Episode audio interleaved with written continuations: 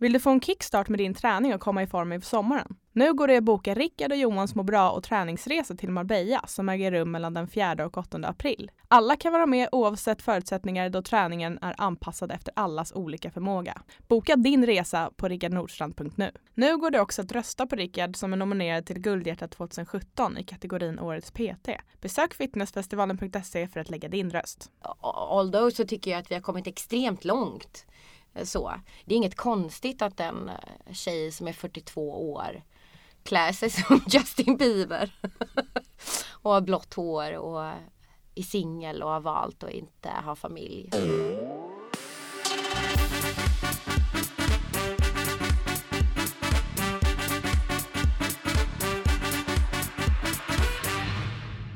Ja, hej och välkommen till Träna för hjärnan med Rickard Nordstrand och Johan Norén. Eh, Dagens gäst har Johan bjudit in här så jag tänkte att han helt enkelt får ta över. Varsågod Vad Johan. härligt, tack. ja, men vi träffades ju för flera år sedan eh, i samband med att jag lyssnade på en föreläsning som du höll. Och då har jag, jag, jag vet jag skrev till dig och jag skrev att jag tyckte att det var sjukt bra det du, det du sa, det du gjorde. Mm. Men att du också stoppade vet jag före på något sätt att den tog slut så abrupt. Jag tänkte, det där vill jag veta mer Ja. om. Och sen har jag ju följt dig i sociala medier och sett dig i olika sammanhang. Så att jag tänkte så här, du ska få chans att presentera dig själv. Ah! Den ja, den. Så ja, nej men jag, ja, hej. Jag heter Linda Gerstenmeier och eh, ska ta det här, nu ska jag få en så här kort sexig presentation, no pressure. Jag är föreläsare och eh, jobbar med retorik eh, och kroppsspråk men är extremt intresserad av hur våran hjärna påverkar oss och tvärtom hur kroppen påverkar hjärnan. Så det har väl bestått senaste tio åren har jag blandat de här för jag tycker att de håller ihop på någonting sätt. Förstår ni vad jag menar? Just det. Ja, Ja, nu ser jag så här jätte- fyra tomma ögon. Nej men jag är jättenyfiken. Jag sitter som ett barn på julafton och bara "V- Vad är det som ska komma ut härnäst? Det här låter helt fantastiskt. Ja, så, um, så så är det. Så um, Men hur kom man in på den här banan? ja, det är en jättebra fråga. Man bestämmer sig. Ja, ja. Åh men fan. När man har gjort det då? Okej. Nej, jag, alltså, jag, åh, förlåt, alltså, osexigt svar men, men eh, jag har hållit på med teater Ja. eh, i hela mitt liv skulle jag faktiskt säga. Eh, I olika former.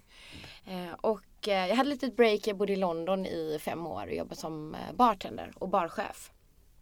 Eh, och där fick jag med mig extremt mycket om hur man kommunicerar och är tydlig när man står i en Ja. bar. Nej, men, eh, jag vet inte om man har så fortfarande men man, eh, där jag gick i vad var det, högstadien tror jag. Eh, då hade man teatertimme i Ja, skolan. just och det, det. tycker jag nu, då kanske man inte var mottaglig och man tyckte det var lite töntigt. Men nu när man backar bandet och förstår hur bra det är ändå. Mm. Så hade man varit lite mer mogen som kille där så kanske man ha- hade gått på de lektionerna. Men det är ju väldigt, väldigt bra. För Ja. jag har kommit nu på senare år så har jag jobbat lite med Dramatiska institutet Mm. med ungdomar Mm. som har varit liksom arbetsskygga och inte haft något jobb på länge och liksom stärka självförtroende och våga liksom stå för det de säger och gå in i en karaktär. Och man ser hur människor växer. Det är faktiskt ett väldigt bra redskap. Jag Ja. tycker man ska föra in det i skolan om det inte, om det inte finns. För det är riktigt bra. Ja, absolut. Men gud vad var frågan? Tack för dagens avsnitt. Det var riktigt bra idag. Nej men Nej, jo, det- jo, det hur började mycket- jag? Ja men det finns så mycket att Just ta på det. Så, så, ja, precis. så det var ju då, det var ju ehm, det var ju teatern. Eh, och eh, som skådespelare så är man ju extremt utsatt eh, varje dag. Man ska springa på auditions, man ska vara på topp. Det är ett ganska slitsamt yrke men det är ju ehm, till exempel grundstenarna i teatern är så otroligt värdefulla för människan. Eh, att vi ska samarbeta, hur vi ska vara på scen, att du ska vara tydlig, du ska veta vad du ska, ehm, att alla är viktiga i en pjäs. Så ehm, det är fantastiska grundstenar. Men själva yrket är ju ganska slitsamt. Är det. Så det var faktiskt exakt 2010 eh, när jag eh, var tänkt till en stor svensk film. Och så hade jag gjort så en miljard provfilmningar. Ja men ni vet och verkligen nu kommer min break. Så fick jag den inte. Och då tänkte jag så här, nej, nej, nu ska jag, nej nu, jag, nu slutar jag. Så jag cold turkey. Slutade faktiskt uh, gå på audition. slutade med- Vad sa du? En kall En kall kalkon. Ni som inte förstår engelska, men en kall kalkon vart man, det var inte så kul. Men när jag tänker London så tänkte jag, tänker jag musikaler och mycket sånt. Var det där du fick inspiration? När du, Nej nej, nej? åh gud nej, i London. Ja. Så jag åkte till London bara för att jag också behövde en liten paus. För det var väldigt, Ah. alltså jag, jag kände, ska jag bara hålla på med teater? Är inte jag någonting annat? Jag måste ju liksom se världen. Så blev jag barchef. Vilken Den utveckling. världen är nog otrolig. Ja. Efter klockan tolv. nu nu har jag liksom, vilket, nu har jag uppnått mitt syfte i mitt liv, mitt Ja. mål. Bästa fem åren i mitt liv. Ja. London på 90-talet. Alltså, oh my god. Det var helt, helt, helt amazing. Helt amazing. Jag har kvar alla vänner som, som jag träffade. Vi umgicks samma gäng i fem år och fortfarande håller kontakten så här. Kul. Så det var helt amazing. Så det var bara ett helt annat liv. Ja. Men hur kom träningen in i bilden då? Man blir äldre. Ja. Man blir äldre, man blir förståndigare. Åh, jag var ju anti-tränaren, Linda. Jag tyckte det var ju helt, jag förstod inte varför folk ens betalar för att gå till ett gym. Eh, så fick jag ett par träningsdojor i 25-årspresent. Jag bara, but why? Just det, du- vem gav mig den här? Jag bara, "Åh." Kan man få kvittot? Just det. Borde byta. Så um, provade jag. Ja. Och så märkte jag hur eh, Alltså den här syran man fick till hjärnan och hur pigg jag var och vad som hände i min kropp. Att det var bara positivt. Och då tänkte jag bara, eh, så varför har jag inte gjort det här innan? Men när du säger träna, vad var första passet? Vad var det Jag, liksom? spr- jag sprang i sju minuter. Oj, ja, ja. Det är härligt. Det är superbra. På typ åttan, det var så här lunkade fram. Eh, så var det. Sen så var jag fast. Mm. Kul. Jätte, jätte, helt mm, Träning har ju en sån fantastisk egenskap att kunna pigga upp en starkare. Att jag kan förändra det jag vill på min kropp. Ja. Det tycker jag är jättehäftigt. Vad, vad, vad kör du nu? Vad ser det ut? Eller hur ser det ut? Vad har du för? Nu har jag, ehm, jag brukar köra ehm, om jag hinner så vill jag springa varannan dag och riktigt ta ut mig. Alltså riktigt så här äh, äckelpass. Det tycker jag om. Och så kör jag styrka. Nu vill jag ju låta så att jag kör styrka tre gånger i veckan. Det gör jag inte. en gång varannan vecka. Typ så. Jag brukar ha med mig jobb när jag tränar. Så jag brukar stå på en kardiomaskin och så har jag min iPad och så går jag igenom mail och liksom så här. För då har jag en timme där jag kan jobba och köra träning. Jag rekommenderar inte det alls. Men det är väldigt skönt för mig. Ja. Men jag, jag tänkte jag skulle gå tillbaka eh, innan där. Hur, hur var du i skolan? Eh, Mm. Kände du på, eh, i klassrummet, om vi drar tillbaka, Mm. att du hade energi och ville få ut den på något sätt? Jag bara tänker här teater, hur liksom Hur det föds. Ja men liksom när du kände att jag vill verkligen uttrycka mig mer Mm. än i bara skrift exempelvis Ja. som man gör mycket i skolan. Ja, absolut. Eh, Det vill jag ju. Och jag, jag var väl den som ledde Roliga timmen hette det på min tid. Just det. Ja. För Eh, det var där jag ville landa. Ja. Jag kommer ihåg roliga timmarna. Oh my god, jag vill inte komma ihåg. Känner du nu att det var något av det bättre pjäs som du gjorde? Åh, mina stackars klasskamrater. Nej, men det började ju tidigare än så. Jag Okej. tror jag i skolan, jag hade ju egna cirkusar på våran balkong. Vi är uppväxta i Partille. Eh, Så jag tvingade mamma baka kakor som jag sålde för en krona. Eh, Så hade jag min egen show en halvtimme. Oh my god stackarna, det var hemskt. Men, men så jag tog ju vidare där då i skolan och eh, vi hade ju roliga timmen och då var det ju Modern Talking, kommer ni ihåg de här? Ja, och Kiss som vi mimade till och det var jättebra, verkligen. En halvtimme stackarna. 17 låtar. som jag hade koreograf, alltså gjort en korre till och med dans och Ja, så det var väl ett sätt att uttrycka sig, absolut. Jag tror att jag uppfattade skolan att det inte fanns så mycket utrymme till att uttrycka sig. Eh, redan på den tiden, att man hade mycket att säga och var ganska mycket energisk så var man mer en plåga än, en, än ett eh, tillskott. Så. eh, Sitt ner och var tyst. Ja men typ. Eh, ehm, jag hade lite svårt för att sitta ner och vara tyst i skolan. Hade jag. Eh, så då tyckte man saker och ting blev tråkigt när man inte... Jag man blir rastlös. Man blir rastlös. Liksom. Så när jag hade skrivit klart alla skrivstilsböckerna, du vet som man fick, mm. och gjort allting då eh, tänkte jag att jag kunde få läsa och då skulle man bara sitta och vänta. Så det var, det var rätt trist. Eh, så, så redan där började du liksom, eller började du staka framtiden mentalt att du såg framför dig jobba på teater? Och... Absolut. Men hur, hur var skolan? Var du duktig i skolan? Ja, jag var duktig ja. i skolan. Jag var, tyvärr då så var jag inte särskilt intresserad. Eller jag tyckte att det var ganska tråkigt. Förlåt. Ja. ja, tyckte jag. Jag, var, jag, hade, jag hade tur då för jag fick alltid bra på de här centralproven. Okay. Ja, som jag alltid gick på. Sen så tyckte jag att lektionerna, det kändes som att alla lektioner var likadana fast det var olika ämnen. Förstår ni vad jag menar? Det kom in en trött lärare som skrev någonting på tavlan. Liksom. Och jag kände så här. Du måste ju engagera dig om jag ska lära mig någonting. Det här är ju astråkigt. Eh, så. Gud vad kritisk jag låter nu. Förlåt skolan. Men, men det var riktigt så jag upplevde. Jag var ju också då kanske ung och tonåring och kanske inte visste bättre heller. Eh, så. Men jag tyckte att det var rätt trist. Minns jag. Men så började jag då eh, teaterskola i gymnasiet. Eh, så Vart var det någonstans? I Växjö. I Växjö, mm. Okay. Och där fick jag ju då uttrycka mig. Och då kom ju den här lusten och glädjen tillbaka. och då kände du att nu har jag hittat hem? Ja. Jag, jag hade ju hållit på med teater redan i hela mitt liv stort sett. Så det var ju mer um, att, att jag förstod att det var det här jag skulle hålla på med på ett eller annat sätt. Mm. Så förstår man, vet man ju det. Eller gör man inte det? Men fick du höra under den tiden där du inte fick uttryck att tagga ner, tona ner, sluta liksom med att försöka uttrycka dig? Eh, försökte man ta bort den delen mm. och boxa in dig i strukturen? Ja. Som du känner att du liksom tar igen lite nu? Eh, jag tror det. Jag, eh, eh, jag tror att alla människor som känner att någon försöker, om någon försöker censurera oss, eh, att vi inte mår bra av det. Eh, tror jag absolut.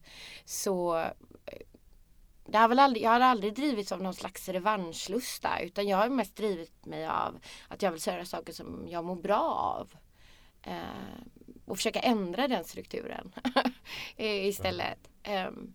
men eh, jag vet ju att, att det var väldigt viktigt ehm, att boxa in oss. Att det var att man gärna inte skulle stå ut. Eh, så. Och det har jag väl fått höra egentligen i hela mitt liv. Att jag har varit annorlunda. Och jag har aldrig riktigt förstått det. Ehm, men det har väl alla fått höra någon gång att de inte att de är annorlunda. Sådär. Det har bara varit en ganska stor del av mitt liv. Men annorlunda kan, behöver inte vara fel. Nej, och gud nej. Jag har ju inte Jag har ju inte en, alltså Det var väl en period i mitt liv när jag försökte då eh, När jag blev när, när jag tog åt mig när jag kände liksom att eh, när någon sa att jag var lite för mycket. Eh, och då kände jag väl att okej okay, men det kanske är mig det är fel på då. Eller förstår ni vad jag menar? Då försöker man anpassa sig och sådär. Det är då man börjar må dåligt. Men hur ser Lindas vardag ut idag då? Eh, jag mår bra. Ja vad härligt. jag tänkte jag måste säga det. Ja. Eh, min vardag ser Men hur ser jobbsituationen ut? Hur ja. ser det ut liksom måndag till fredag? Hur, hur ser en vecka ut? hos dig? Ja, de ser ju, eftersom jag frilansar så ser ju de olika riktigt, ut. riktigt olika ut. Ja. Men man kan väl nästan säga att det finns en slags röd tråd i mitt liv. Mm. Det är att det helst inte är några tidiga morgnar. För jag tycker om att sova och dricka mitt kaffe. Ja, 10.30 var tidigt. jag bara svalde och ja, ja, ja, jag kör. Eh, nej men eh, en eh, en, en, en, vanlig vecka så kan det vara så att jag är, spelar in podd. mm. Men och i, ikväll ska jag uh, köra stand-up uh, på en klubb. Vart? Uh, på Stockholm Comedy Club kör jag. Ja, med då, är det, ja, då är det English night. Ah, så jag var i min engelska. och så är det är jag ute på ett eh, stort reklamföretag eh, som jag varit hos redan eh, och ska ha mm, presentationsteknik med dem. Hur kan det se ut? Berätta. Då har de fått en uppgift utav mig. Då har jag träffat dem innan. Ja. Eh, då har jag jobbat med kroppsspråket och eh, röstnervositet. Eh, hur, man uppfatt, eller hur man vill uppfattas. Och hur, hur vi faktiskt gör det eftersom vi är vanedjur. Att allting som vi ser är inte sant. Ja, men, hur vi alltid kan påverka varandra. Det är väldigt viktigt tycker jag. Och- Det här är jätteintressant. Mm. Säg att det är någon som lyssnar på den här podden nu och sen ska ha ett föredrag eller mm. ska föreläsa eller något sånt där. Vad är liksom tre nyckelord? Kan man säga, ge dem tre ledtrådar vad de ska tänka på? Jag menar det obvious då är att man ska vara väl förberedd. Men det förstår jag att det, det, tänk, det, det har nu alla. Så jag tar inte det som en nyckelgrej. För förberedelse är ju typ ja, oh. Men jag tycker en nyckelgrej är att man ska vara medveten om eh, hur man uppfattas. Mm. Jag tycker att man ska vara medveten om eh, hur man vill att människor ska känna efter föreläsningen. Vad vill jag lämna eh, kvar? Eftersom vi inte kommer ihåg så mycket ord så kommer det kanske de kommer att komma ihåg dig. På vilket Mm. sätt vill du bli ihågkommen? För kroppsspråket är ju oftast väldigt, väldigt betydelsefullt. Ibland kan man ju strunta i vad som kommer ut om man ser ett kroppsspråk som Ja. gör någonting. Och jag menar, i min värld så är ju kroppsspråket nästan allt. Ja. så, som har hjälpt mig. Men jag måste säga tre också. Ja, för en föreläsare. För någonting som jag tror att människor glömmer av. Eh, självklart för i all nervositet och prestaskiten och sådär. Det är faktiskt att ha roligt. Att eh, Ett skratt. Ja, Ja. när vi är glada och när vi, när vi faktiskt är glada då är vi de mest attraktivaste personerna. Eh, och det är ju attraktiva vi vill vara när vi står på scen. Vi vill ju bli sedda, lyssnade på. Och när vi skapar den attraktionen då, då blir det magiskt. Men kan vi inte vända på det? För det är, så, det är ju Ja. ett sånt otroligt laddat ämne att Ja. prata inför folk. Mm. Eh, och nu var det på nyheterna där det kom fram att det var ju många som hellre såg sig själv dö än att prata inför folk. Att Ja. skräcken är så stor. Mm. Vad tror du att det beror på? Varför har många en sån hög eh, ja, anspänning blir det, men liksom Mm. rädsla för att just stå framför människor och prata? Alltså den här grundkänslan är ju ehm, alltså det, det finns så mycket undertexter i den här rädslan. Vi bara poängtar ut dem som, som är eh, de som är, liksom, som är ytliga som vi förstår. Det är ju att vi människor är extremt rädda för att göra bort oss. Vi är extremt rädda för att någon annan ska se oss som inkompetenta. Du vet att nervositeten. Och det handlar väl mycket om det här att göra bort sig också då. Eh, sen så fläker vi ju upp oss. Förstår ni vad jag menar? Vi, jag står ju här som Linda Gerstenmeier och ska, och ska säga en sak till er. Eh, då kommer jag ju bli bedömd på det. Mm. Och vi är ju jätterädda för att bli bedömda. Vi vill ju bara bli omtyckta och, och tillhöra flocken.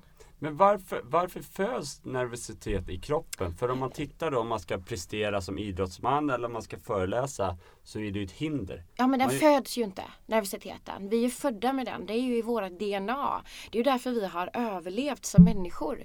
Vi är ju inprogrammerade i vårt DNA att vara skeptiska. Att vara, förstår ni vad jag menar för att vi ska kunna överleva? Nu 2017 så är det ju inte samma faror som det var när vi började som människor. Är du med jag menar? Ja. Men våran hjärna kan inte riktigt kan inte riktigt skilja på den faran. Så till exempel om jag står nu och föreläser Ja. så tittar du lite skeptiskt på mig. Är du med? Man har ett kroppsspråk när man Mm. tittar lite skeptiskt. Du kanske ser lite sur ut. Då skannar jag ju av dig, eller hur? Och så ser jag, oh my god, han tycker inte om mig. Eller hur? Verkar ointresserad. Ja, eller hur? Och det är en fara för mig Ah. som människa. För att jag vill ju bli omtyckt. Jag vill ju bara att du ska tycka att jag är bra. Ja. Och då sätter min hjärna igång alla de här, oh my god, han tycker inte om mig, jag blir stressad, mitt hjärta bultar och jag vill fly och jag blir nervös. okej. Men egentligen så är ju det ingen riktig fara. Du, Nej. är du med? Ja, egentligen, om vi då tänker efter, så kan det ju också vara ett, att du har en dålig dag och inte Mm. tänker på hur du beter dig mot mig, eller hur? Så vad jag ser, jag, alltså lägger jag en sanning på dig. Mm. Är du med vad jag menar?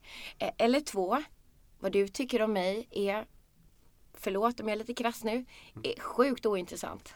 Ja. är ni med? För här står jag och försöker prestera. Och om du inte gillar mig så, sorry, eh, då fokuserar jag på de som gör det. Men vi gör ju inte det! Nej. Utan då börjar vi fokusera oss på de som inte gillar oss. Och bara, jag tycker om mig, varför tycker du inte om mig? Är du med jag menar? I, generellt sett är vi extremt Men då rädda. måste ju nästa steg vara, säg att du går upp och håller ett föredrag, en sak. Man vill försöka få folk att de ska sitta och lyssna och ändå se lite engagerad ut. Mm. Men sen är ju nästa steg då som du är, stand-up. Gå upp på scenen och så ser man att folk somnar eller inte skrattar. Då måste man få superpanik. Ja, Eller? ja. För det jag det kan bara säga det- så här, ja! Just Eller? när det blir helt knäpptyst. Nej, det är vidrigt. Det är det vidrigt. Ja, det det är så jag vi hemskt. pratade med Hasse Brontén om just det. Mm. Hur känns det att dessutom behöva känna att man vill vara, eller ska vara rolig? Där man har liksom förväntningar på sig att vara rolig. Ja, det är så hemskt.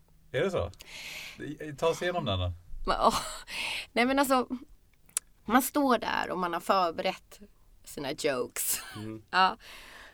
Och så är det någonting som kanske, du vet att man har fel timing eller du vet sådär. Och så säger man det, så är det dödstyst. Wow. Det, det är så hemskt. Alltså i, i början. Då man vill ha den där knappen som Ja, man bara, som man bara, "Pum, nu är borta. Tack för idag. Men, men, men någonstans är det så himla viktigt att gå igenom också. För att man som föreläsare utbildar så vill man ju inte bli blasé. Man vill vara på tårna, man vill vara nervös. Man vill jobba med det här. För jag tror att alla ni, vi som har någonting, vi drivs ju att vi har någonting att säga. Vi tycker ju att det är otroligt roligt och alltså vi drivs ju av det. Men det är också fruktansvärt. Så jag tror att stand-upen var ju det här nästa steget då. Eh, och det är fruktansvärt. Och där, precis där har man ju ett val när man står. Och då tänker jag så här, ska jag gå bak nu? Eller ska jag gå fram? Då är alla de här teknikerna som jag lär ut till andra människor börjar ju då rulla i mitt huvud, eller hur? Det är inte dig det är fel på Linda. Det, det är alla andra. Alla Nej. Nej men det är ju vidrigt. Men när man, när man då, vad som är så härligt det är ju då att man märker ju hur mindre det berör en ju mer man gör det. Förstår ni vad jag menar? Absolut. Så nu när ett skämt inte klaffar, då kliver jag över det. Alltså förstår du vad jag menar? Och kör vidare. Eh, I början så vill jag ju typ dö. Det, det var ju något gig när jag typ, jag smög ut. Jag sa inte ens hej då. För jag bara typ förlåt att ni har betalat för det här. liksom. Det var ju hemskt. Men Hemskt. för då hamnar vi i det här med rädslor. Ah. Jag upplever när man pratar med mycket med barn och så att man, man styrs av sina rädslor. Mm. Och oftast då att man liksom faller i rädslan. Mm. Man bryr sig väldigt mycket om vad andra tycker som man inte ens känner vilka de är. Mm. Men deras liksom betydelse har så stor påverkan i fantasin på något sätt. Ja. Där man liksom försöker verkligen så här bryta rädslorna. Mm. Att om någon bryr sig, vad spelar det för roll egentligen? Och då tänkte man, ja men det gäller ju bara barn. Tills man börjar jobba mycket med vuxna. Ja. Eh, och ser att vi bär ju oftast på samma typ av tankar. Ja. Men där vissa går emot dem, utmanar dem, besegrar dem och som du säger nästan söker nästa steg. Mm. Och vissa stoppar eh, alltså processen innan, eh, alltså man, man går inte ens vidare från tanken. För Nej. tanken är så hemsk. Mm. Tänk om, tänk om, tänk om, Mm. tänk om. Tänk om jag ska ställa mig här nu så glömmer jag bort vad jag ska säga. Mm. Då kommer ju alla bara bua åt mig. Mm. Och det innebär att jag är en dålig person. Så därför utsätter jag mig inte för risken. Mm. Men det begränsar ju också. Vi skulle vilja liksom Enormt. få det här med att våga släppa på sina begränsningar eller våga gå emot det här jobbiga. Mm. För jag tänker ofta på det Rickard, när du gick ut mot de här kolosserna när du körde K1. Mm. Alltså jättestora idrottsmän som antagligen måste sparka och slå jättehårt. Jag kan ju bara tänka tanken där man sitter i omklädningsrummet. Nej, jag har nog en dålig dag. Och så ser man sig själv få stryk. Då borde ju också kanske utvecklas en del rädslor, Mm. nervositet. Men, men absolut, men där kan jag ju bara falla tillbaks till det som Linda sa tidigare med förberedelse. Jag hade ju tränat så hårt och jag hade ju så mycket bra folk runt mig så jag visste ju att liksom det kommer aldrig bli hårdare på träningen eller på matchen än vad det kommer vara på träningen. Eh, och så det hade jag med mig. Så jag visste vad som än kommer hända så kommer jag inte bli knockad i alla fall. Men när du mötte topptoppen då? Alltså du vet de, de, när du gick upp och du var verkligen bäst mot bäst. Ja, men jag hade det självförtroendet att det, det spelar ingen roll. Håller jag upp mina händer, det spelar ingen roll vad som står framför mig. Ingen kommer, i världen kommer kunna slå ner mig. Och det hade jag med mig. Och det var nog min trygghet. För därifrån sen kunde jag börja göra mina saker. Så jag förstår det du säger att man, desto mer man har liksom gjort någonting, desto mindre nervös blir man. Men samtidigt som att Självklart var jag lite nervös, för lite nervositet Ja, tror jag är bra för att man kopplar på alla de här sinnena. Absolut. Men man måste ju kunna hålla det kontrollerat. Eh, För det, Men det det, här med- jag märker, ja, det förlåt. som, tar, som hjälper oss där, det jag märker mycket i skolan är att då är ju oftast, om du har 30 elever, 40, så Ja. är alla rädda. Men så har du en eller ett par som vågar Mm. och som gör det och de får ju då jättemycket uppmärksamhet och sen så blir det de som pratar inför klassen i typ tre års tid. Mm. För det blir också, det också- accepterat att de här förväntar vi oss komma fram. Men resten får liksom inte kanske också heller möjligheten att våga utveckla sig själva. Mm. Men det är ju de här rollerna då som vi eh, typ nästan eh, tar emot i, i skolan. Är du med? Den pratglada, den stoje, eh, eh, den som är retad. Alltså det, det, alla strukturer i klassrummet ser ju exakt likadant ut idag. Och jag kan nästan bli lite frustrerad. Liksom så här, Rör upp det här, ser ni inte? Eh, Eller hur? För det är precis så som du säger. De som tar för sig får mycket utrymme och de som är tysta, då, då är de nästan de är ju det, tysta Lisa. Är kanske den personen i hela skolan. Tysta Lisa kanske inte alls är tyst. Men aldrig fick eh, då den här att någon såg henne. Men där tror jag också att det är många barn som tar på sig en roll. Jag kan ju bara tänka tillbaka till min Absolut. skolroll. Jag hade läst skrivsvårigheter, jag Mm. gick i specialklass. Mm. Men jag var också den roliga killen och det kanske liksom jag var för att komma lite ja, men, Såklart. Så här, folk sa, Ja. "Ja, han sa fel men det kanske han gjorde med flit och lite så här att folk skrattade åt det på Mm. liksom ett positivt sätt. De skrattade med mig, inte mot mig. Liksom, så. Mm. Och det var väl min roll i skolan lite så för Mm. att liksom överleva. Ja men jag tror att alla har haft en roll i skolan. Och då frågar man då, har jag fått den? Har jag tagit den? Mm. Eh, Har någon försökt att bryta den? Har vi rört om lite? Alltså eh, prova. För det jag tycker är med det här som är då ett laddat ämne, att det Mm. översätts på olika marknader. Och så utsätts man för det. Eh, antingen att man kanske till och med blir tvingad. Mm. Eller att man hamnar i en situation att nu har jag inget mer läge, nu måste jag göra det. Mm. Och så gör man det och så märker man shit, var det inte värre än så? Så säger de flesta, varför gjorde jag det inte tidigare? Och så går man med tid spilld i liksom lite dåligt samvete och ånger. Mm. Ah shit, var det så här det var? Här har jag gått med en fantasitanke som har begränsat mig. Och så upplever jag många gör på många olika sätt. Mm. Varför gjorde jag det inte tidigare? Mm. För jag gör det jag gör för då vet jag i alla fall vad jag har. Ja, jag, jag... Tänk om man hade det här gudomliga svaret till det där varför folk inte gör saker tidigare. Men jag tror att det finns en liten, jag tror att du var inne på det lite grann. Eh, jag kände det. Att man har bra folk omkring sig. Jag har haft extremt bra självförtroende för att jag har haft en familj som har stöttat mig i vått och torrt. Alltså vad jag än har velat göra så har min mamma och pappa alltid sagt Bra, bara du är lycklig. Så någonstans har jag alltid haft en grundtrygghet även om jag, min självkänsla ibland har varit på minus 120. Så ändå mitt själv, förstår ni vad jag menar med det? Så att det här att ha bra folk omkring sig. Så jag tror att de här bra folken behöver inte bara vara lärarna. Det kan vara föräldrarna, det kan vara vänner. Det kan vara andra vuxna som ser barn. Att eh, jag ser dig. Eh, Så att man lyfter ur dem ur de här eh, rollerna och faktiskt får en chans. Är ni med? Och så hyllar vi dem som tar för sig. För de ska ju inte heller tystas ner såklart. Eh, Men man kan ju försöka strukturera om. Och jag tror att de här människ trygga människorna. Vi är ju trygga människor till någon annan människa. Eh, Vi, när vi ser människor. Vi inser hur viktigt det är att vi lyfter varandra. För det är ju bara en sån grej som kan göra all skillnad. Eh, Så. Eh, Och, och när man är... Är är ni med vad jag menar? Ja Mm. absolut, det är ett komplext eh, Mm, ämne. jättekomplext. Men det som är roligt är ju att det, det går ganska snabbt kan jag uppleva att göra en skillnad. Gud ja. Där du försätter en person i en situation som de inte varit med om och så liksom står man kvar i den. Och så går man igenom den och så känner man sig stärkt efteråt. Mm. Och det kan man också översätta till träning. Om det nu är springa eller att simma eller cykla eller vad det än nu är. Och så gör man det och så känner man sig stärkt. För det vi är ute efter nu det är ju liksom stärka upp sig själv inifrån. Ja. Att våga stå emot och som du säger när man drar ett skämt och ingen skrattar. Alltså det är ju en styrka att stå kvar. Än att springa därifrån och säga nej aldrig mer. Mm. För det har vi kanske alla gjort när vi var barn att vi sa aldrig mer. Ja. Jag menar, då hade man ju varken cyklat, eh, kanske kunnat simma eller liksom, alltså man hade ju begränsat sitt liv om man säger så. ja. Ännu mer.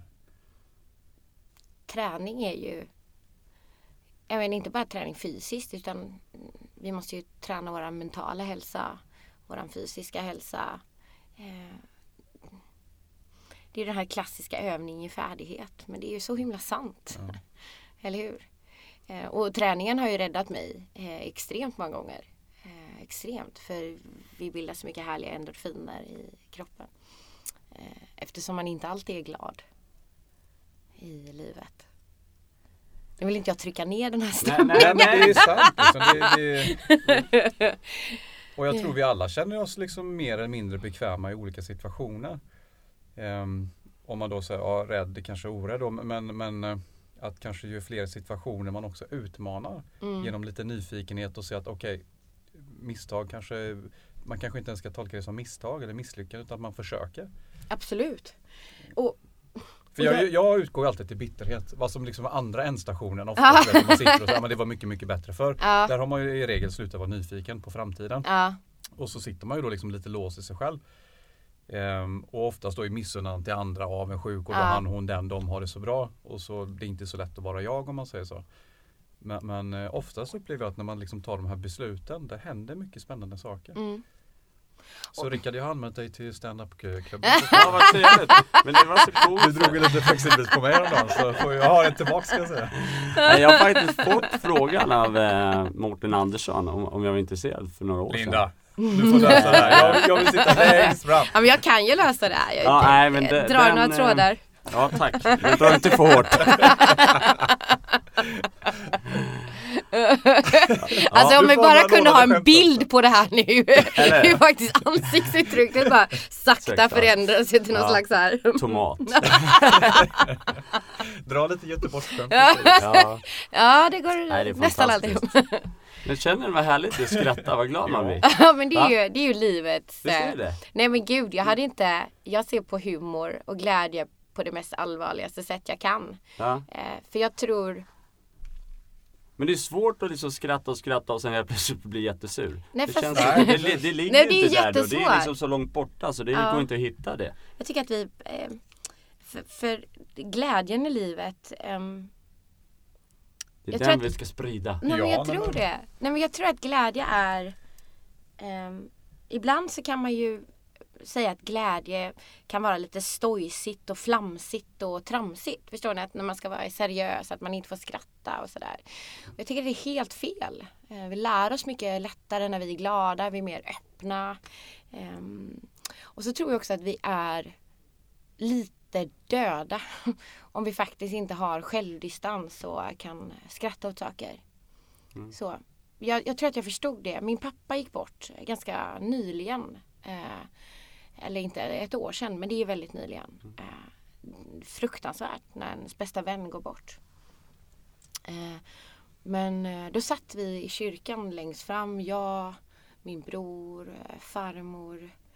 Ehm, och det var ganska tyst och stilla. Var det. Eh, otroligt vacker ceremoni. Och då eh, känner jag att någon petar på min arm. Så här så tittar man på mig och tårar bara rinner och mina tårar bara rinner. Tittar man och säger så här. Hon bara, och jag kallas alltid för hjärtat hemma, har alltid gjort det i alla år. Eh, hon bara hjärtat, jag bara ja. Hon bara, det kunde varit värre. Det kunde varit jag. Så mamma det. Och, och jag kände bara hur min bror och jag bara kunde, ja, vi kände att vi bara skrattade i all, förstår du vad jag menar? För min pappa sa alltid det. När jag slog mig så sa han, åh hjärta, det kunde varit värre, det kunde varit jag. Ah. så sa hon det och då kände jag så här, gud vi lever fortfarande. Alltså förstår du? Mm. Eh, det här är det fruktansvärda som kan hända. Ah. Men vad härligt det var att vi gemensamt kunde skratta. Alltså förstår du vad jag menar? För vi förstod att pappa också hade verkligen älskat det här skämtet. Ah. Så. Eh, så i vår familj har glädjen varit en eh, mycket överlevnad. Eh, att vi kan alltid skratta ihop. Hur kan man jobba med sitt eget kroppsspråk och vad har det för betydelse? Märker du utifrån hur du jobbar? Du, du tänker nu bara i... Nej men om man skulle bara kasta upp hur, liksom, hur, hur, vilken betydelse har kroppsspråket och hur kan man tänka på att man ah. använder sig av det? Åh mm. oh, gud, åh oh, gud. Okej, okay, hur mycket tid har vi? ja, precis.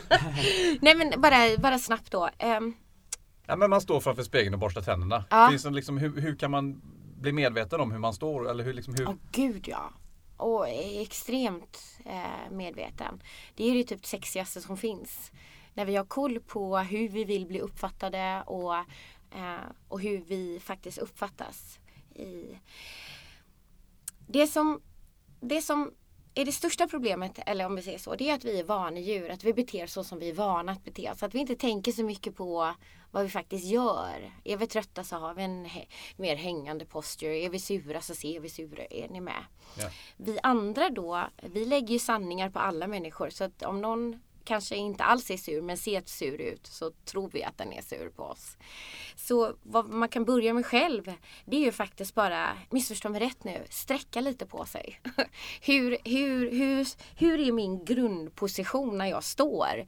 Är den, är den hängig eller är jag, är det med jag menar?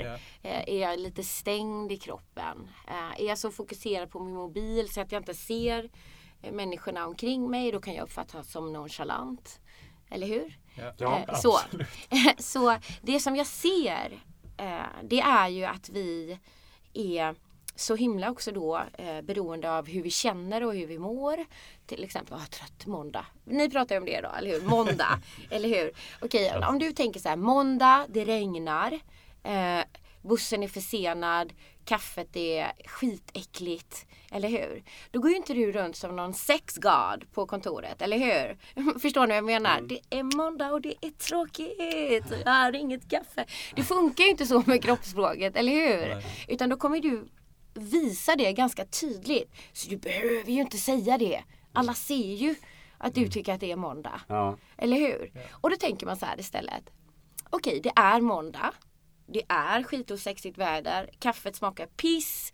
Jag har en trökmacka. Eh, ja men du vet, go on. Men är det här ett attraktivt kroppsspråk? Är det här ett attraktivt sätt att bemöta människor? Det är ju inte det. Eller hur? Så vad du känner Nej, det är helt okej för vi känner saker, vi är inte alltid glada. Men medveten om när jag ska möta en människa. Hur vill jag vara? Vill jag vara den här Eller vill jag vara asexig? För då la du in den här låten, kommer jag ihåg. Ja. You sexy and I know it. Och den får ni höra här nu. I'm sexy. And I know it.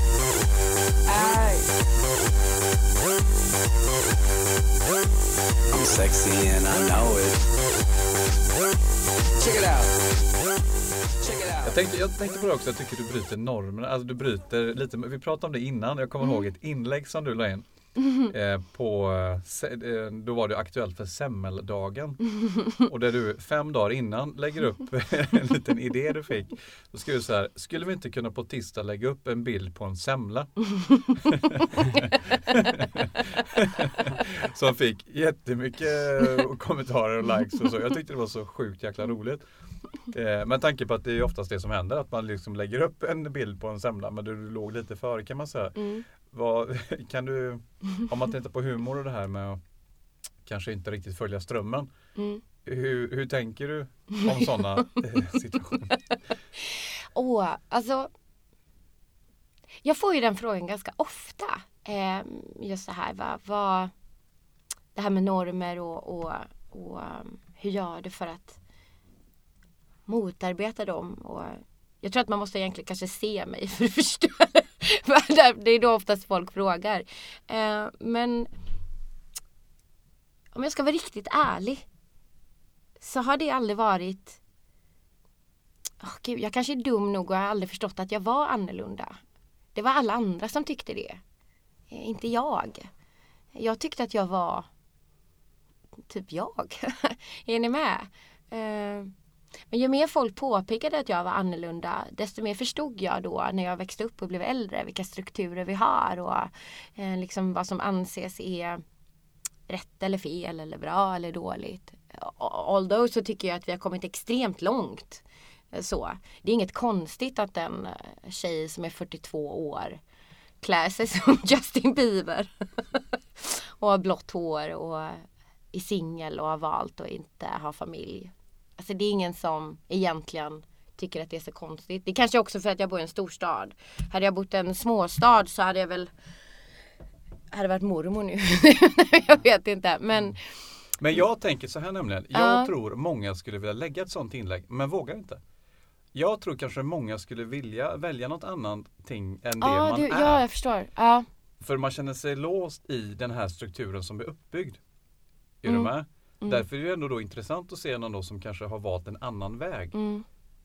Är du med på mig? För jag tror många sitter ah, man blir jäkligt provocerad. Ha, nu la man upp en bild på en semla. Det tänkte jag lägga. Jag hade dessutom köpt den perfekta semlan. Nu är hela min vecka förstörd. Ja, ah, la upp den för tidigt ja. Ja, precis.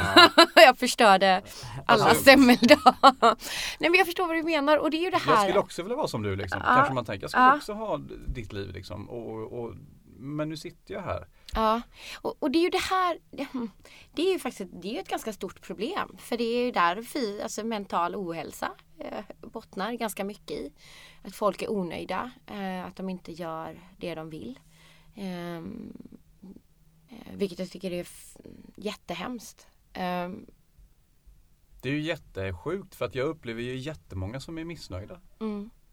Nej men och gud, jag möter ju väldigt många som är missnöjda och jag väldigt, möter väldigt mycket många som är som är ledsna i hjärnan som jag brukar säga. Att de är, alltså att de- de mår inte bra men de gör inte heller någonting åt det. Och jag säger inte, jag säger inte att det alltid är så jävla lätt att göra någonting åt det. Förstår du vad jag menar? Jag förstår att det är inte bara lätt att sluta sitt jobb och, och göra det man vill. Men någonstans så önskar jag att de personerna som, som tänker göra det förstår hur jävla härligt det är att faktiskt göra någonting för sin egen skull. Att våga ta det här steget ut. Att det är nästan 90 procent säger de, som du sa, och du sa, varför gjorde jag inte det här tidigare? Det finns ju ingen morgondag för det här utan saker man ska göra ska man göra nu. Eh, och jag tror att Men då kommer motståndet eller där. Men jag väntar på det rätta läget. Ja, fast det finns ju aldrig något bra läge för någonting, eller hur? Det finns ju inte det. Nej, Du skapar ju dina egna bra lägen hela tiden. Alltså du skapar din dag, du vaknar och du skapar hur vill jag att min dag ska vara? Hur ska jag låta mig påverkas av människor omkring mig? Hur ska jag påverka andra? Det är ju dina val hela tiden. Och, och nu pratar jag inte om, om, om, om fy, alltså, psykisk ohälsa som man kanske måste medicineras för det är inte alltid så himla lätt. Utan jag pratar om, om, om merparten som faktiskt kan och har. Men så väljer man att inte göra det. Så jag tror att någon, alla människor borde ta sig en så här revidera dag. Och så borde de göra en lista så här, vad är det som gör mig lycklig just nu? Men blir det inte lite så här det som vi var inne på tidigare, man blir som man umgås. Eh, utan att liksom vara insatt i det så känns det ju som att de här som är lite bittra och liksom tycker livet, att de liksom samlas tillsammans och så blir det som liksom bildar de en Facebookgrupp. Exakt, och sen liksom bara liksom Hatar de på livet. Sitter man Ja, men det här blir Ja. lite som en tornado som bara blir större och större och större. För att komma ur därifrån så måste man då bryta mönster och träffa lite ah, glada människor eller några andra som har lite lättare till skratt och lite sån här för att bryta tror jag processen. Ja men Eller? självklart, Jag upplevde det självklart. jättestarkt ska jag säga inom psykiatrin Ja. där jag var ett eh, bra tag att eh, vi gjorde nog varandra sämre allihopa. Ja. Och det märker man också tydligt nu tycker jag när man jobbar kanske mer åt andra hållet att man har en tendens att göra varandra bättre. Men det är som vi säger nu, det är inte lätt att ta sig ur. Så vi, Nej. det är ju jättesvårt. Mm. Men jag Det tror ju mer man kan liksom samla mod och kraft och ta beslutet eh, ju lättare känns det också efteråt. Men jag upplever också att många samlar på sig många beslut att man till slut inte vet vart man ska börja. För det Mm. blir så himla många beslut. Men där tyckte jag du sa någonting tidigare när du föreläste just om psykra... Vad heter det? Jag kan inte ens säga ordet. Psykiatrin. Yes, när ni satt i den här ringen och ni fick Ja. sitta och prata. Nu skrattar jag för att jag tycker det låter, ja, det är så konstigt.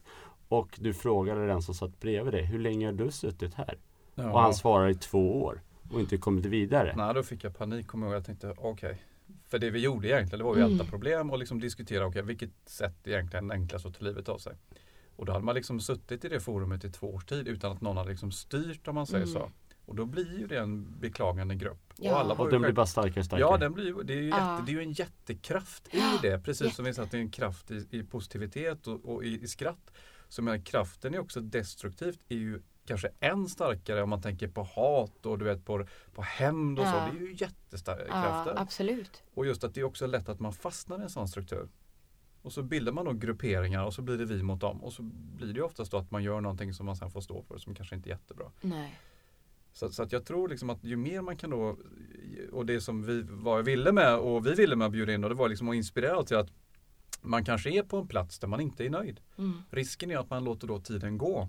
Men att man då kanske kan bli inspirerad av dig här nu till att faktiskt våga då följa lite med sig själv, våga uttrycka sig själv och sen i följaktligen då våga ta det här beslutet. Och det behöver ju inte vara ett livsavgörande beslut kanske. Det kanske bara ska börja att men jag ska gå ut och gå en promenad. Mm. Eller jag ska välja en ny sanning om mig själv. Mm. Eller jag ska faktiskt träna på någonting som jag har alltid velat göra. Mm.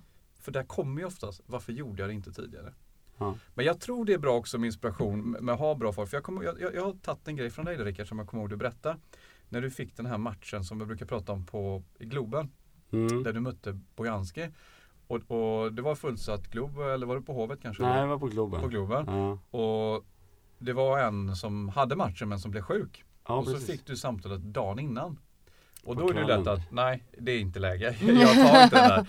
Men, men det är bra då när man har någon som har gått igenom värre saker än sig själv. För att jag skulle föreläsa för IKEA eh, för ett tag sedan och var ändå ganska nervös och det största Mm. uppdraget så, ja, stort företag. Och så när jag kommer dit och ska gå in och då hade jag ändå förberett mig noga Mm. länge, kände mig trygg. Kommer dit, ska gå in och då säger personen till mig som anlitar mig, du, jag har en känsla av att eh, i magen att jag inte berättat att den ska vara på engelska. Och då kan, i min värld då, jag hade ju inte förberett någonting på engelska och min engelska så sett i, översättning till det jag skulle säga var inte förberedd. Oh men gud. Just då, ska jag, ska jag inte? Och då kommer jag att tänka på det för jag tog den här räknaren. Ja. Kunde han gå upp då inför Ja. fullsatt Globe och liksom möta, det var ju världsmästaren där Bojanski. Mm. Och stå upp och göra en jättematch. Då borde man nog kunna kanske göra sitt bästa med Ja. det man fick. Eller ja. Och då vet jag det blev så nu, för då var det två som gick från min föreläsning. Som satt längst bak, som var, eh, som var från Indien. Men eh, så kom de tillbaka sen, för de har varit på toaletten. Men då tänkte jag, okej jag förstår varför ni gick, för ni fattar ingenting. För min engelska var så knackig. Så redan där hade jag bildat sådana tankar som du Åh pratar om. gud vad hemskt. Åh Så man kan ändå lära sig just och ta Ja. med sig från olika människor och våga utmana sig själv. Det tror jag är superviktigt. Absolut. Så att man inte faller i det här med liksom gnällhögen om man säger så. Nej. Nej men åh. Jag var på Revingehed, eh, Försvarsmakten och då föreläste jag på engelska.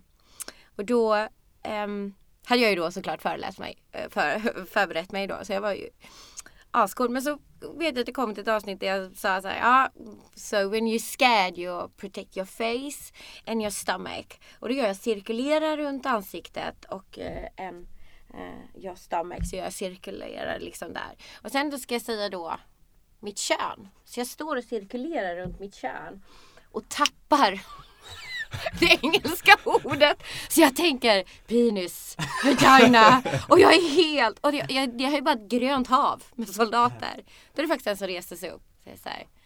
Your genitals Linda, you protect your genitals. Jag bara thank you.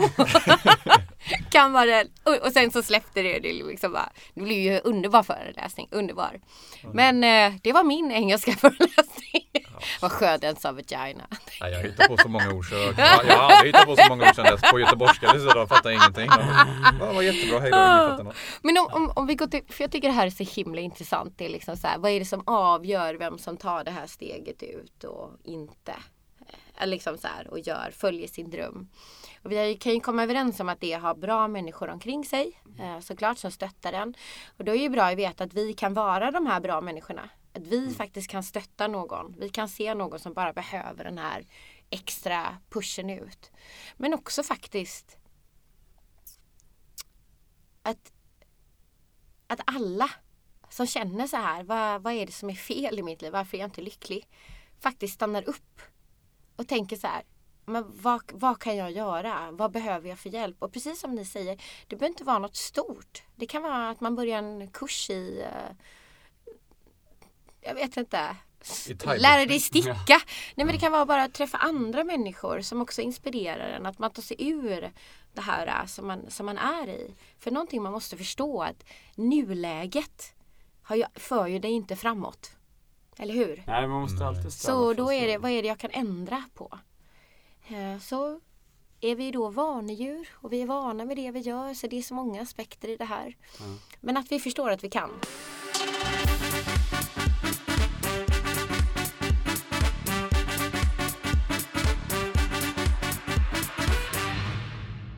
Träna för hjärnan sponsras av Simor. Simor är en streamingtjänst för film, serier och sport. Nu har även Sportkanalen haft premiär. Sportkanalen visar veckans match från Allsvenskan och utvalda matcher från Superettan och Handbollsligan. Med programledare som Anna Brolin, Lasse Granqvist och Olof Lund. Besök simor.se eller sportkanalen.se för mer information. Men du, du, vi pratade lite tidigare om din vardag, din träningsut och du Ja, sa just ju att du, att du springer mycket och sådär. Mm. Men du är ändå välsvarvad om man säger så. Mm. Eh, att du, ser inte ut som en löpare i kroppen. Men du har ju konturer på armarna du är såhär liksom. kort och kompakt. Nej, ja, Förlåt jag måste ju bara säga till lyssnarna Ja. jag sa, jag för Linda tränar ju väldigt mycket! Just att det var just så han sa det tyckte jag var så roligt. ja. Ja, ja, Eller, ja. men det ser ut som du lyfter en annan vikt ibland Ja. också. Det är bra, det är ju det här att jag, jag behöver inte anstränga mig så mycket just för armarna utan det är ju gener. Alltså det syns ganska bra på mig. Det är ju det. Det är ju bra genetik. Ja. Eh, handlar Men det om- mycket om. Men mm, Vad- gud, löp, löpningen är liksom din fokus, det är det du Ja. försöker ha som Mm. liggande. Där, jag samlar endorfiner till min eh, hjärna. Ja det är Ja. jätteviktigt för mig. Ja. Ehm, så Ehm, så att det, det är där jag hittar eh, eh, min glädje. Eller, kan eller du inte också bara känna det. så när du är ute och springer? För så kommer jag ihåg när jag sprang en gång i tiden, eller så, några gånger, att jag rensade mycket tankar. Gud. Det, det kändes som, kommer du ihåg det gamla Tetris som man Ja, spelade? när det nej men gud, det är liksom bara- Uppifrån, så skulle man sortera dem. Mm. Och sen oftast när man kom i mål då hade man lösningar på, på vardagen eller på Eller hur? veckan på saker som var lite så här. Hur ska jag kunna lösa det där? Ja, nej men det är eh, helt fantastiskt. Kommer, får du nya skämt till dig? Eller Nej, liksom- inte när jag springer Nej. utan då är det egentligen bara rensna. Men vad är det för glädje vi skapat igen? Det är väl ehm, endorfiner, Precis, det är väl dopamin och dopamin, Ja. endorfiner och, eh, och jag behöver ju tillskott utav det eftersom, eftersom jag har ett underskott av det. Men jag tillverkar inte tillräckligt det till min hjärna. Så jag, nej. Berätta, det här var jätteintressant. Hur var det tillskottet?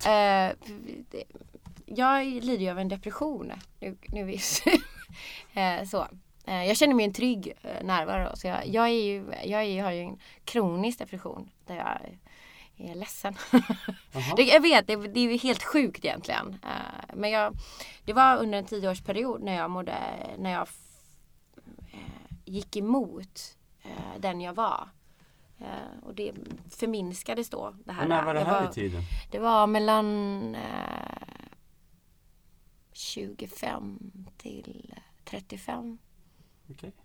Så jag har varit eh, Så det var en sex år sedan då? mm, Som du var liksom ganska ledsen. Var jag.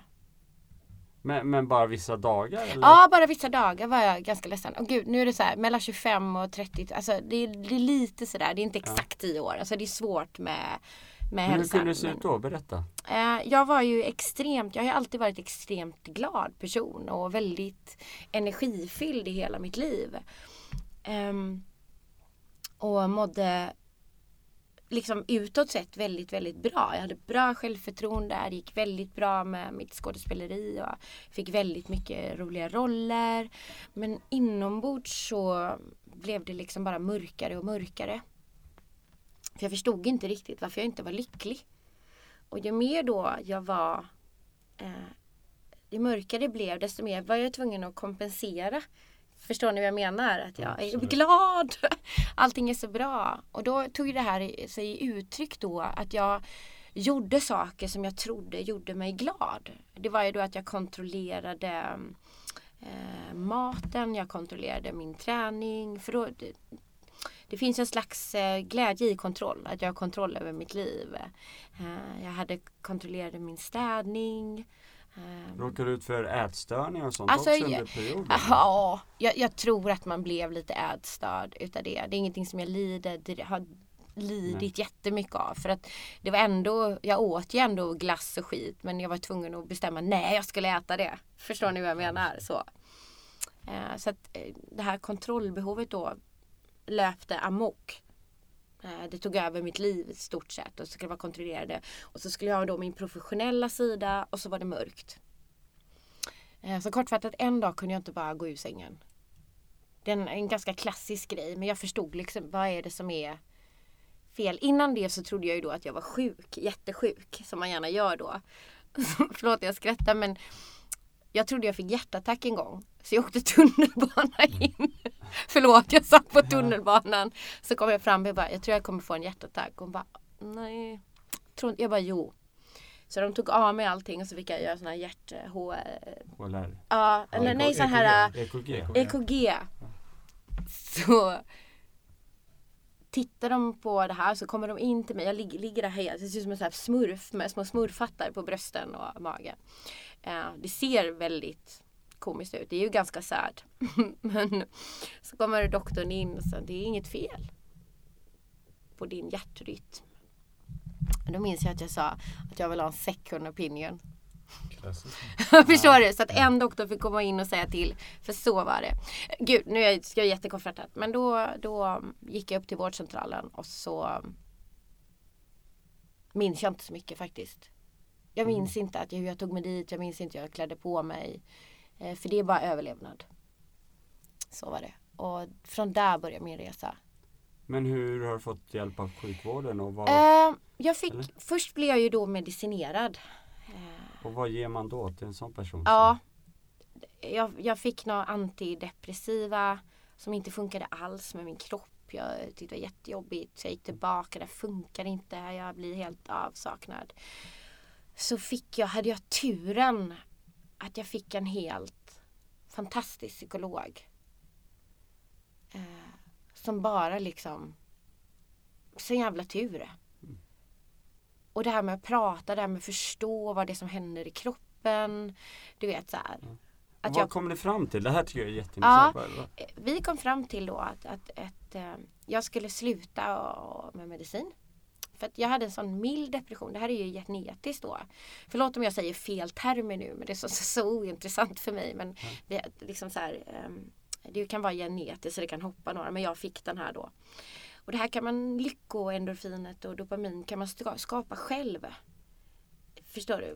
Ja. Skapa själv. Jag blev ju manisk för jag tro- vill ju skapa det hela tiden.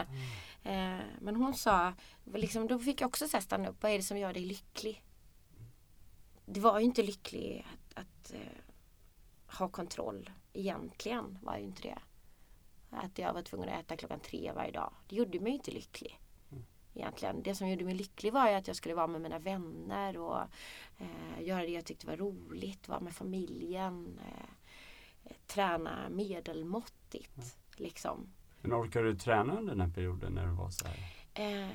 Ja, för att jag gjorde ju slut på min energi. Alltså, Ja. jag, jag, hade ju, jag, jag levde ju på extra, Tabletter? ja, eh, extra energi. Liksom. Det var därför jag kraschade. För att jag, inte, jag tog ju slut på mig. Helt enkelt. Eh, och bästa som hänt egentligen. Förlåt Ja, du- att du- kraschen nej, det, men ja. du- När du kom på fötter, då fick du gå och prata med någon Ja. terapeut. Ja, och vad kom ni fram till då? Nej då, då kom vi fram till sakta men säkert, det var ju många, många år sedan, sakta men säkert att jag skulle liksom försöka ändra saker i mitt liv steg för steg. Det var också väldigt nyttigt att man inte bara ändrar allting på en gång och nu ska jag ha ett nytt liv. Liksom så. Eh, för att lära sig någonting nytt krävs ju att man måste göra det. Jag brukar alltid tänka att jag har så här tjockt gummiband runt magen. Och när jag lär mig saker så är det jävligt trögt. Och så fjongar man tillbaka du vet när man har tillbaka steg. Men då är det bara att kliva upp igen och försöka. För jag ville ju så jävla gärna liksom vara lycklig inombords. Och det var inte så att det, jag kunde arbeta och ge 100 procent. Alltså förstår du? Och Men sen efter en föreställning behövde du bara hem och Nej, bara, jag kunde inte ens kunde inte, jag kunde inte göra någonting socialt. Så ingen förstod ju detta. För det var ju topp. Allting jag gjorde var ju fantastiskt. Förstår ni vad jag menar? Det var ingen som såg det utåt heller. så- Ingen. Nej men man är ju expert på att ljuga. Men hur, kan du se dig själv nu som frisk? Eller tar du fortfarande Nej. medicin? Nej jag tar, alltså, nej, jag, jo jag, jag är frisk. Ja. Eh, det är jag. Men blir vi någonsin helt friska undrar jag. Alltså förstår du, lider vi inte alltid av någonting. Men jag är extremt medveten om mina signaler och jag är extremt medveten om vad jag gör, ska göra för att må bra. Ja. Och jag är jäkligt noga med det. Och det kan vara att jag äter glass klockan 12 eller det kan vara att jag bokar av allt och är med mina vänner. Eh, Att jag gör, jobbar med det jag tycker om. Och att jag är helt förstådd med hur min hjärna fungerar. Att jag måste göra, kanske måste träna någon timme eller jag måste faktiskt göra saker jag tycker om. Ja. Annars så blir jag stressad och Du har skapat en medveten struktur helt Ja. enkelt för att må bra. ja. Och vi är ju helt lika i det ska jag säga. Mm. Också i Ja jag vet, bakom. din historia är ju Det är också det helt som är så fantastisk. fascinerande. Mm. För du säger väl lite samma sak? Blir Ja, man men det är det jag- frisk? Man lever väl precis. med Ja. In, Nej, och jag ser ju, ja det beror ju på hur man ser det. För det som gjorde att man blev sjuk var ju inte friskt. Annars hade man ju inte blivit sjuk från början. nej, precis. Så det, är- det är ju också provocerande då kanske att gratulera någon eller sig själv och säga att det är det bästa som har hänt. Men ofta så är det så faktiskt många ser det. För det som var innan var ju inte friskt. För då hade man ju inte blivit sjuk. Du blir ju inte bara sjuk Nej. av dig själv om man säger så. Sen är ju det efteråt då, då, då behöver man ju då säger man så "Ah, men man måste lyssna mer på kroppen. Jo men det måste man ju också göra. Du har ju inga heller val att Nej. inte lyssna längre. För, för kraften tillbaks blir så stor då. Eller så hur? då måste man ju vara som du säger jättemedveten i vilka sällskap och strukturer man mår bra och inte mår bra i. Mm. För det blir så påtagligt, det blir så klok, nära om man säger så. Extremt. Så jag, jag extremt. håller ju helt och hållet med exakt precis allt du säger. Ja. Och visst är det ganska magiskt ändå vad vi kan göra Ja. som människor. Alltså vad vi kan åstadkomma, vad vi kan eh, vad vi kan faktiskt, hur vi kan påverka oss själva och att, att det är vi som har makten. Jag tycker det är helt otroligt. Alltså vi, att hur, hur coola vi människor är liksom. Och jag försöker alltid utgå när jag jobbar från, eller jag, min passion och mission i livet är att vi har alla samma redskap. Så jag tror att alla kan bli, eller jag vet att alla kan bli fantastiska presentatörer, Ja. föreläsare. Liksom. Men vi måste bara förstå vad vi är kapabla till. För, för, för inbjuder du också inte lite till när du pratar föreläsare om att våga släppa kontroll? Oh ja, Det är ju I allra av det högsta- som du ja. jobbar jättemycket med. Allra högsta grad. Där man kanske börjar sitta och titta på din föreläsning med armarna i kors Ja. och det slutar att man har typ slipsen i pannan och, Ja. vidare. alltså liksom, och det bara, åh vad skönt det känns. Kunde man göra så och ingen liksom bedömer. Ja, nej men eller hur? Och där är vi också lika kanske i Mm. uppmaningen. För man upplever att många vill ju ha kontroll på i princip allt Mm, och även hela livet. mm, Och har man inte det så blir man ju jättestressad. mm.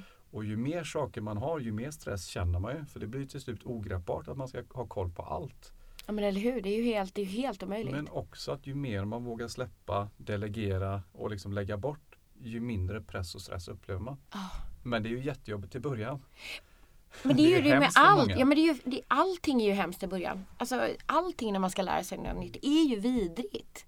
Det, det, det, det är ju det. Och så för man över det till kampsporten. Vad säger ni? Ja, men slappna av lite mer. Du spänner dig. Du står ju på tå och är helt slut efter en minut. Och vad är det du hjälper till med? Jo, det är invagga trygghet, förberedelser och slappna av. Mm. För du kan ju inte kontrollera Eller- exakt allt. Ja men eller hur. Och det är ju det som vi också älskar med sport. Eller Mm. alla sporter som jag tycker vi har så himla mycket gemensamt just där. Eh, Jag refererar mycket till sportvärlden och hur de tänker positivt och, de, och också faktiskt inom teatervärlden hur vi tänker. För vi ser ju vårt mål och vi förstår att om jag gör detta så kommer jag komma dit och då kommer jag att må bra. Är du med jag menar? Du måste väl egentligen också förstå om jag gör så här i kampsporten. Så, Är du med? Du måste ju alltid vara några steg Före, absolut. E- Eller hur? Ehm, så om vi då förstår att om jag förändrar detta så kommer jag ju må så här. Och inte det jävligt härligt? Jo. Men om jag fortsätter och sitter i min Facebookgrupp och bitchar och surar så kommer jag fortsätta må så här. Eller hur? Så välj för fan. Och där säger många när man tittar på utmattningsproblematik att jo men det enklaste är egentligen att stanna kvar så länge som möjligt. Och det är ju det som är så, eh, åh gud, jag, så- kommer ni ihåg det här programmet som eh, Arga snickaren hade när Mm. han skulle hjälpa eh, kriminella och eh, drogberoende människor? Ja, Så det. byggde han hus. Just det, jag var Just faktiskt det. med och hjälpte Nej, Linnea, en ja, tjej jag blev- som, som, Ja, på eh, riktigt? Ja, och eh, Wow. tog med henne och började träna henne och fick henne på fötter. Ja, Åh var- nej, ja. och du är min hjälte. Alltså Ja, jag satt och underbar. grät till det här. Jag tyckte det var så himla vackert. Men så hade de fått de här fina lägenheterna, de hade kommit på fötter, eller hur? Kanske någon arbetsintervju. Så går de tillbaka. De går tillbaka till droget. Mm. Och, och där förstod jag hur stark den här vanegrejen och trygg, alltså de går hellre tillbaka Mm. till drogträsket än att är i det här nya för att det andra är mycket mer bekant. Är ni med? Ja, det är det som absolut. van... och, för Absolut. visst är det också ett beroende såklart.